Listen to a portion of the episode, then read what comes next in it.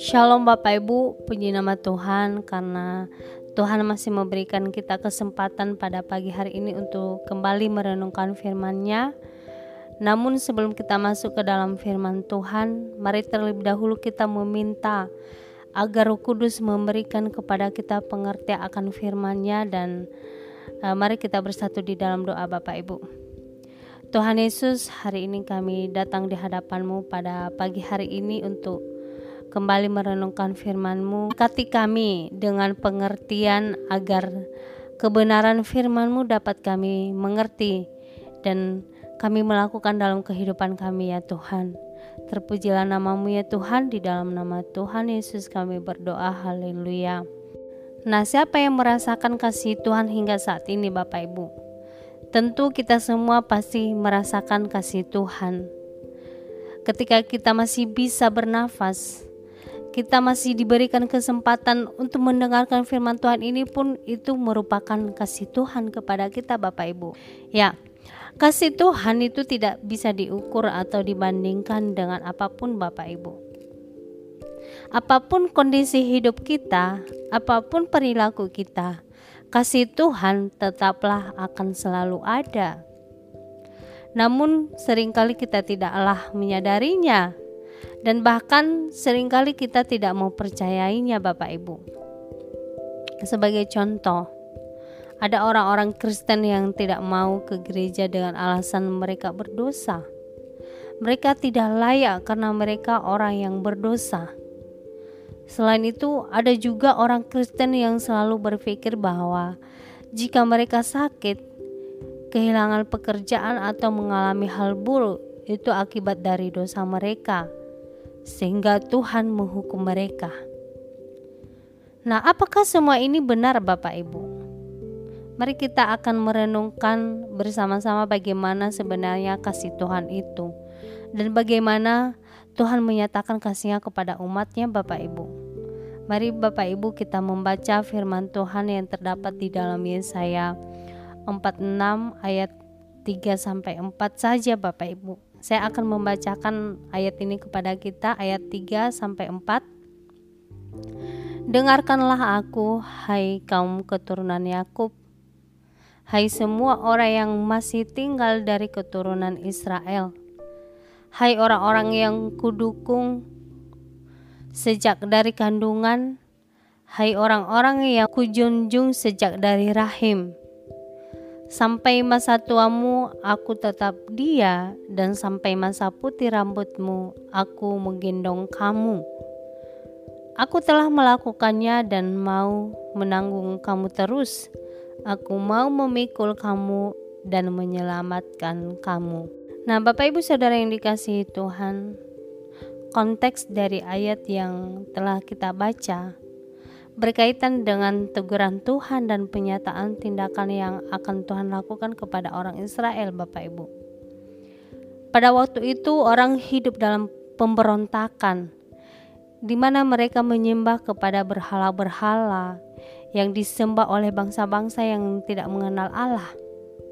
Nah, akibat dari perbuatan itu, Tuhan menyerahkan mereka kepada bangsa lain untuk diperbudak, Bapak Ibu Nah, tindakan Tuhan menyerahkan mereka untuk diperbudak adalah bukti kasih Tuhan kepada mereka. Karena tindakan tersebut dilakukan Tuhan untuk membawa orang Israel dalam pertobatan Bapak Ibu. Pemberontakan orang-orang Israel kepada Tuhan tidak menghentikan kasih Tuhan kepada mereka. Nah, dalam ayat ini Tuhan menyampaikan kepada orang Israel bahwa Berhala-berhala yang mereka sembah tidak memiliki kuasa apa-apa untuk menolong mereka. Dewa-dewa kekejian yang mereka sembah itu telah kalah di hadapan Tuhan. Dikatakan di dalam ayat 1 sampai 2, Dewa Bel sudah ditundukkan, Dewa Nebo sudah direbahkan, patung-patungnya sudah diangkut di atas binatang, di atas hewan yang pernah kamu arak sekarang telah dimuatkan sebagai beban pada binatang yang lelah yang tidak dapat menyelamatkan bebannya itu. Dewa-dewa itu bersama-sama direbahkan dan ditundukkan, dan mereka sendiri harus pergi sebagai tawanan. Nah, melalui hal ini, Tuhan ingin menyampaikan bahwa Dia lebih berkuasa dari berhala yang mereka sembah, Bapak Ibu. Nah, bahkan hanya Dia satu-satunya Allah yang sanggup membebaskan mereka dari tangan bangsa yang memperbudak mereka. Nah, Tuhan ingin orang-orang Israel mengingat kembali bahwa Dia satu-satunya yang mendengarkan dan memperhatikan seruan dan doa-doa orang Israel. Bukan berhala-berhala yang berasal dari benda-benda mati yang tidak dapat menjawab mereka.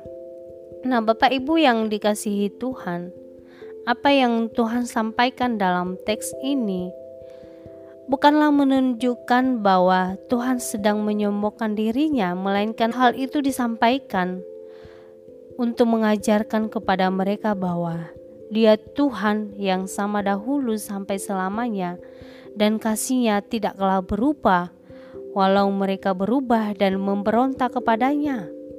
Nah, di dalam ayat 4 dikatakan, "Sampai masa tuamu aku tetap dia, dan sampai masa putih rambutmu aku menggendongmu, menggendong kamu.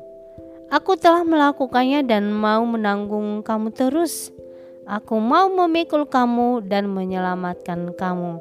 Nah, inilah kasih yang kekal itu, Bapak Ibu, yaitu bahwa Tuhan tidak berubah dalam mengasihi mereka, mengasihi bangsa Israel. Tuhanlah Bapa yang baik yang mau selalu mengampuni dosa mereka dan menyelamatkan mereka, Bapak Ibu. Nah, Bapak Ibu, apa yang dapat kita renungkan atau pelajari untuk kita terapkan dalam kehidupan kita sehari-hari, Bapak Ibu? Nah, melalui teks ini kita dapat belajar kebenaran bahwa apa pun yang Tuhan izinkan terjadi dalam kehidupan kita adalah untuk membawa kita kembali kepadanya dan bertobat Bapak Ibu. Ada amin Bapak Ibu? Nah, layaknya orang tua yang akan mendisiplinkan anak-anaknya jika melakukan kesalahan, Bapak Ibu. Demikian juga Tuhan kepada kita. Dia mendisiplinkan kita dengan keadaan kita, dengan tujuan agar kita mengingat Dia dan berbalik kepadanya jika kita telah jauh meninggalkannya. Kemudian, melalui teks yang dapat kita pelajari, yang dapat kita ambil kebenaran dari teks ini bahwa kasih Tuhan itu kekal Bapak Ibu. Nah, demikianlah firman Tuhan Bapak Ibu yang dapat saya bagikan kepada kita pada pagi hari ini. Mari kita berdoa Bapak Ibu. Tuhan, terima kasih untuk kebenaran firman-Mu kepada kami.